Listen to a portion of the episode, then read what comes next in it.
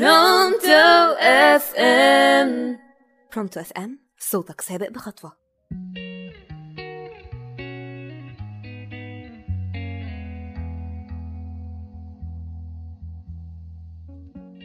ازيكم؟ عاملين إيه؟ وحشتوني أوي. يا رب كلكم تكونوا بخير يا رب وفي احسن حال. في الموسم الأول قدمنا موضوعات كتيرة وتقيلة بس كانت بشكل خفيف وسريع. وده اللي شجعني إن أنا أعمل الموسم التاني. وكمان كان بناء على طلب ناس كتيرة منكم وبعتولي في ال comments. يلا بينا ما نضيعش وقتنا ونبدأ الحلقة الأولى من الموسم الجديد من برنامج وفيها إيه يعني. معاكم سارة شعبان على راديو برونتو إف إم وصوتك سابق بخطوة.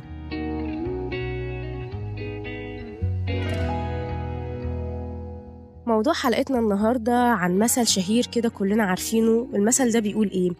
فاقد الشيء لا يعطيه طيب أنا شخصيا مش مؤمنة بالمثل ده بالمرة بالعكس أنا شايفة إنه فاقد الشيء هو أكتر شخص يقدر يعطيه لأنه أدرى الناس بمرارة فقدانه وهي دي بقى إشكاليتنا النهاردة. الفترة الأخيرة المثل ده ظهر وانتشر بدرجة كبيرة جدا لدرجة إنه بقى ترند وناس كتيرة فجأة بقت مقتنعة إنه مش حقيقي اللي هي وجهة نظري الشخصية اللي أنا قلتها لكم في بداية الحلقة. الفكرة هنا بقى في نقطة مهمة إن النموذجين دول موجودين في حياتنا وبشكل واضح جدا. يعني نقدر نقول إن المثل صحيح وعكسه كمان صحيح. طب إزاي؟ هنشوف دلوقتي إزاي. فاقد الشيء ممكن يعطيه وممكن لأ. الموضوع ده متوقف على أكتر من حاجة. أولهم درجة الوعي عند الشخص ده وسلامته النفسية والبيئة اللي هو اتولد جواها طريقة النشأة اللي اتربى بيها الأشخاص اللي محاطين بيه وحاجات تانية غيرها كتير. يعني مثلا لما تلاقي شخص فاقد للشيء وبيعطيه ببذخ اعرف إن الشخص ده حد سوي متصالح مع نفسه ومع اللي حواليه. عايز يقدم لهم كل حاجة هو اتحرم منها. عشان يحميهم من كل إحساس بالنقص أو الخذلان هو اتعرض له. وكمان ما يحسسهمش بأي حرمان. وده معناه إنه عارف يحب نفسه. بالتالي قادر يقدم للي حواليه كل حاجة حلوة. ده ما طلعش عقده عليهم بالعكس. هو حول الطاقة السلبية اللي جواه لطاقة إيجابية واشتغل عليها عشان يجدد روحه من بره ومن جوه. عندنا كذا مثل للموضوع ده. عندك مثلا اللي ما عندوش إخوات.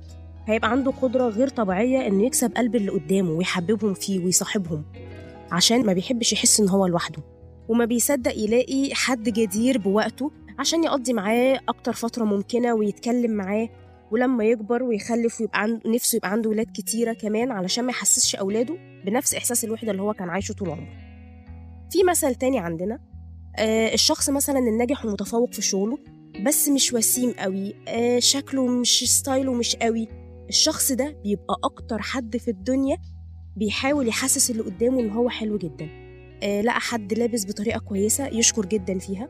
آه حد عمل حاجة في الشغل حلوة يعبر له جدا عنها ويحسسه قد إيه هو عمل حاجة كويسة وناجحة. أي حاجة حلوة قدامه بيعبر عنها. مش علشان مستني الناس اللي قدامه تقول له كده لأ عشان هو بيبقى جواه حاجة حلوة. هو كمان شايف الحلو اللي في اللي قدامه على طول. ما بيحبش يشوف أي حاجة وحشة فيه. على الجانب التاني بقى الشخص اللي فاقد الشيء اللي ما بيقدرش يعطيه.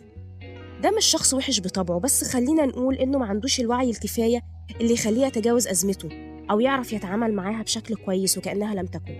طيب واجبنا ناحية الشخص ده إن إحنا نحاول نقومه بلطف آه نوجهه للطريق اللي يساعده على حل مشكلته والقرار طبعا في الأول وفي الآخر ليه.